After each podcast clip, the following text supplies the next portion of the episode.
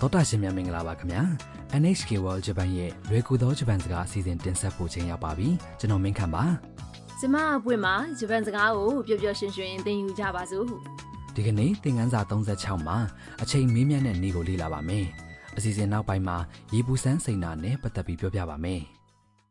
ဗီယက်နမ်ကလာတဲ့ကျောင်းသူတမ်နဲ့တငယ်ချင်းအာရကာတို့ဟာခွန်ထဲကိုရောက်နေကြပါတယ်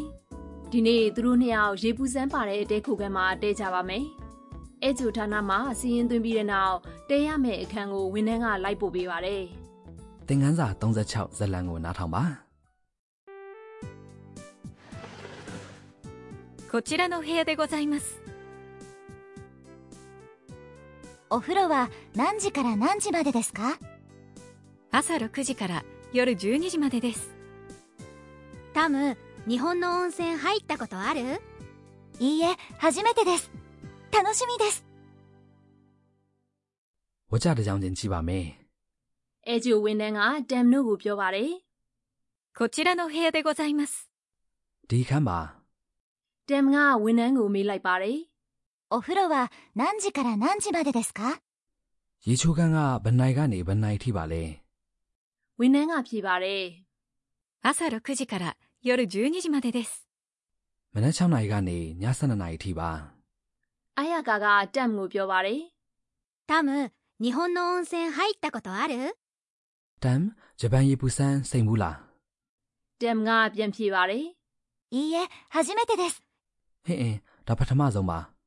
楽しみです မျော်လင့်စောင့်စားနေပါတယ် တမ်ကရေပူစမ်းပါတဲ့တဲကိုကမှတဲရတာပျော်နေတဲ့ပုံပဲနော် ဟုတ်တယ်နော်ဟာကိုနေဆိုတာအဲ့ဒီလိုရေပူစမ်းပါတဲ့တဲခုကန်တွေအများကြီးရှိတဲ့အပန်းဖြေမျိုးပဲမပွင့်ရဲ့ဂျပန်စတိုင်အခန်းဆိုတော့ထာတာမိကျူရိုးဖြာတွေပေါ်မှာဖူတုံမွေးရနဲ့အေးရမှာလေ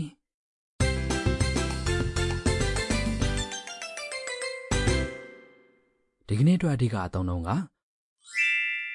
お風呂は何時から何時までですか ရေချိုးကန်းကဘယ်နိုင်ကနေဘယ်နိုင်ထိပါလဲဖြစ်ပါတယ်ဒီပုံစံကိုသိသွားပြီဆိုရင်အချိန်ကိုမေးတတ်သွားပြီဖြစ်ပါတယ်ကဲအတိအပယ်တွေကိုကြည့်ပါမယ် お風呂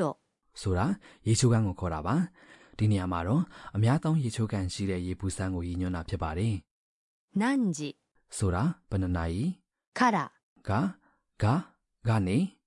まで ကအထီလို့အဓိပ္ပာယ်ရတဲ့ဝိဘတ်တွေဖြစ်ပါတယ် 何時から何時まで ဆိုတော့ဘယ်နှစ်နာရီကနေဘယ်နှစ်နာရီထိဆိုတဲ့အဓိပ္ပာယ်ပါဒီကနေ့အတွက်အဓိကအချက်ပါတစ်ခုခုစတဲ့အချိန်နဲ့ပြီးဆုံးတဲ့အချိန်ကိုမေးတဲ့အခါမေးခြင်းတဲ့အကြောင်းအရာကိုကတ္တာပုတ်ဖြစ်ဝိဘတ်ဝါနဲ့တွဲပြီးမေးရပါမယ် ဒါဆိုမေးချင်တာကအိုဖူရိုရေချိုးကန်အကြောင်းဆိုတော့တမ်ကအိုဖူရိုဝလို့ပြောလိုက်တာပေါ့နော် မှန်ပါတယ်အဲ့ဒီနောက်မှာ 何時から何時までですか ဘယ်နှစ်နာရီကနေဘယ်နှစ်နာရီထိပါလဲလို့ဆက်လိုက်ရင်ရပါပြီစတဲ့အချိန်ကိုပဲမေးချင်နေဆိုရင်တော့ 何時からですか ဘယ်နှစ်နာရီကစမလဲလို့မေးရပါမယ်ပြီးမဲ့အချိန်ပိတ်မဲ့အချိန်ကိုပဲမေးချင်နေဆိုရင် 何時までですか ဘယ်နှစ်နာရီထိလဲလို့မေးရပါမယ် တရရှင်တို့နားထောင်ပြီးအနောက်ကလိုက်ပြောကြည့်ပါ 何時から何時までですかお風呂は何時から何時までですかお風呂は何時から何時までですか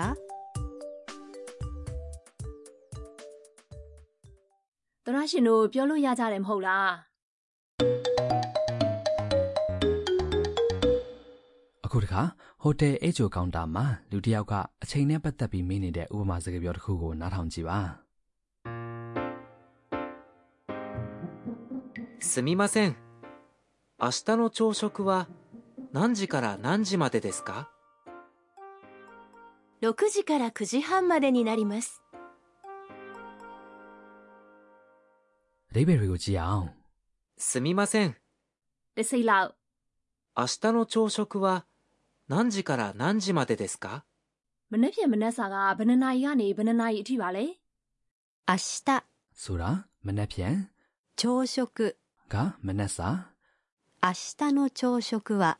ဆိုတော့ဘေးတဲ့အကြောင်းအရာမနက်ဖြန်မနက်စာကဆိုတာကိုဖော်ပြတာဖြစ်ပါတယ်ဒါကို 何時から何時までですか ဆက်လိုက်တဲ့အခါအချိန်ကိုမေးတဲ့မိကုံဖြစ်သွားပါပြီ 6時から9時半までになります。 6နာရီကနေ9နာရီခွဲအထိပါ 6時、 ဆိုတာ6နာရီ 9時半、 က9နာရီခွဲ 6時から9時半まで ဆိုတော့6နာရီကနေ9နာရီခွဲအထိဖြစ်ပါတယ် になります。 ဆိုတာကတော့ です。 အစာသုံးတာပါအဲ့ဒီကိုဝန်ထမ်းကလေးစားသမှုနဲ့ပြောတဲ့ယဉ်ကျေးတဲ့ပုံစံဖြစ်ပါတယ် သောရရှင်တို့တစ်ခေါက်ပြန်နှားထောင်ပြီးလိုက်ပြောကြည့်ပါဦး 明日の朝食は何時から何時までですかすみません。明日の朝食は何時から何時までですか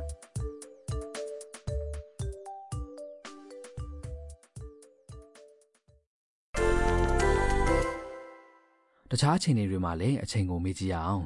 မီရှူမီပန်းပွဲဒီညရှိတယ်ဆိုပါစို့တဲကိုကန်ကဝန်ထမ်းကိုမီရှူမီပန်းပွဲဘယ်ချိန်စမလဲလို့မေးကြည့်ရအောင်မီရှူမီပန်းပွဲက 花火大会。花火大会。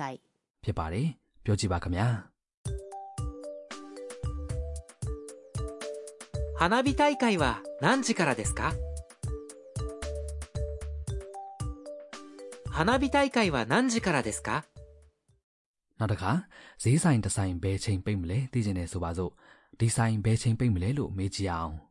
ဒီဆိုင်ကို この店。この店。 လို့ပြောပါတယ်စူးစမ်းကြည့်ပါခင်ဗျာ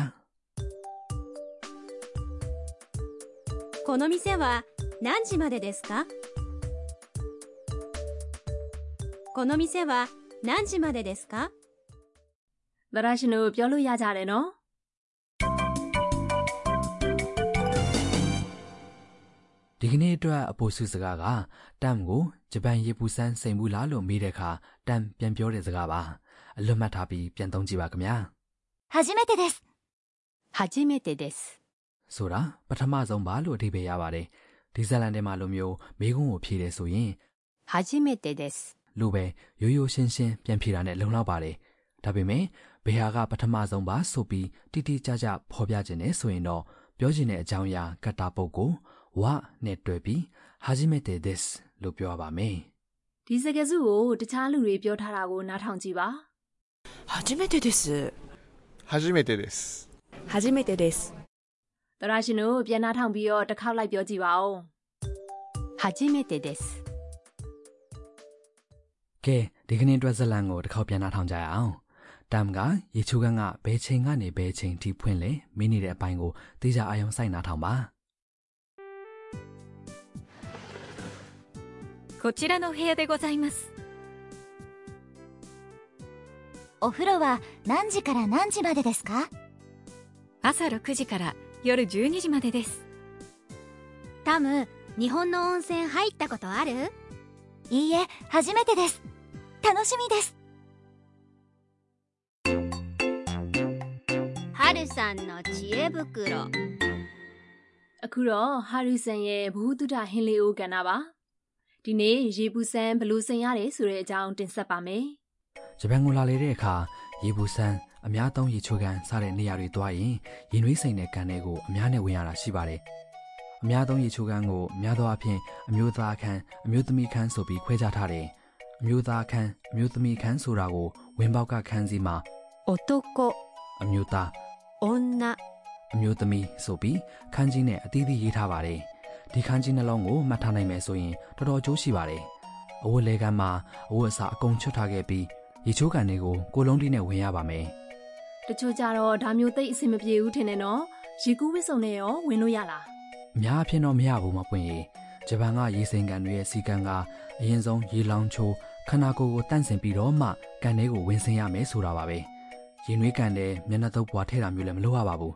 သပင်းတွေရေနွေးနဲ့မထိအောင်သတိထားဖို့ကလည်းကျင့်ဝတ်ပါပဲရေချိုးကန်တွေကရေညက်ပတ်မသွားဖို့အတွက်ပါ ။အော်နားလည်ပါပြီ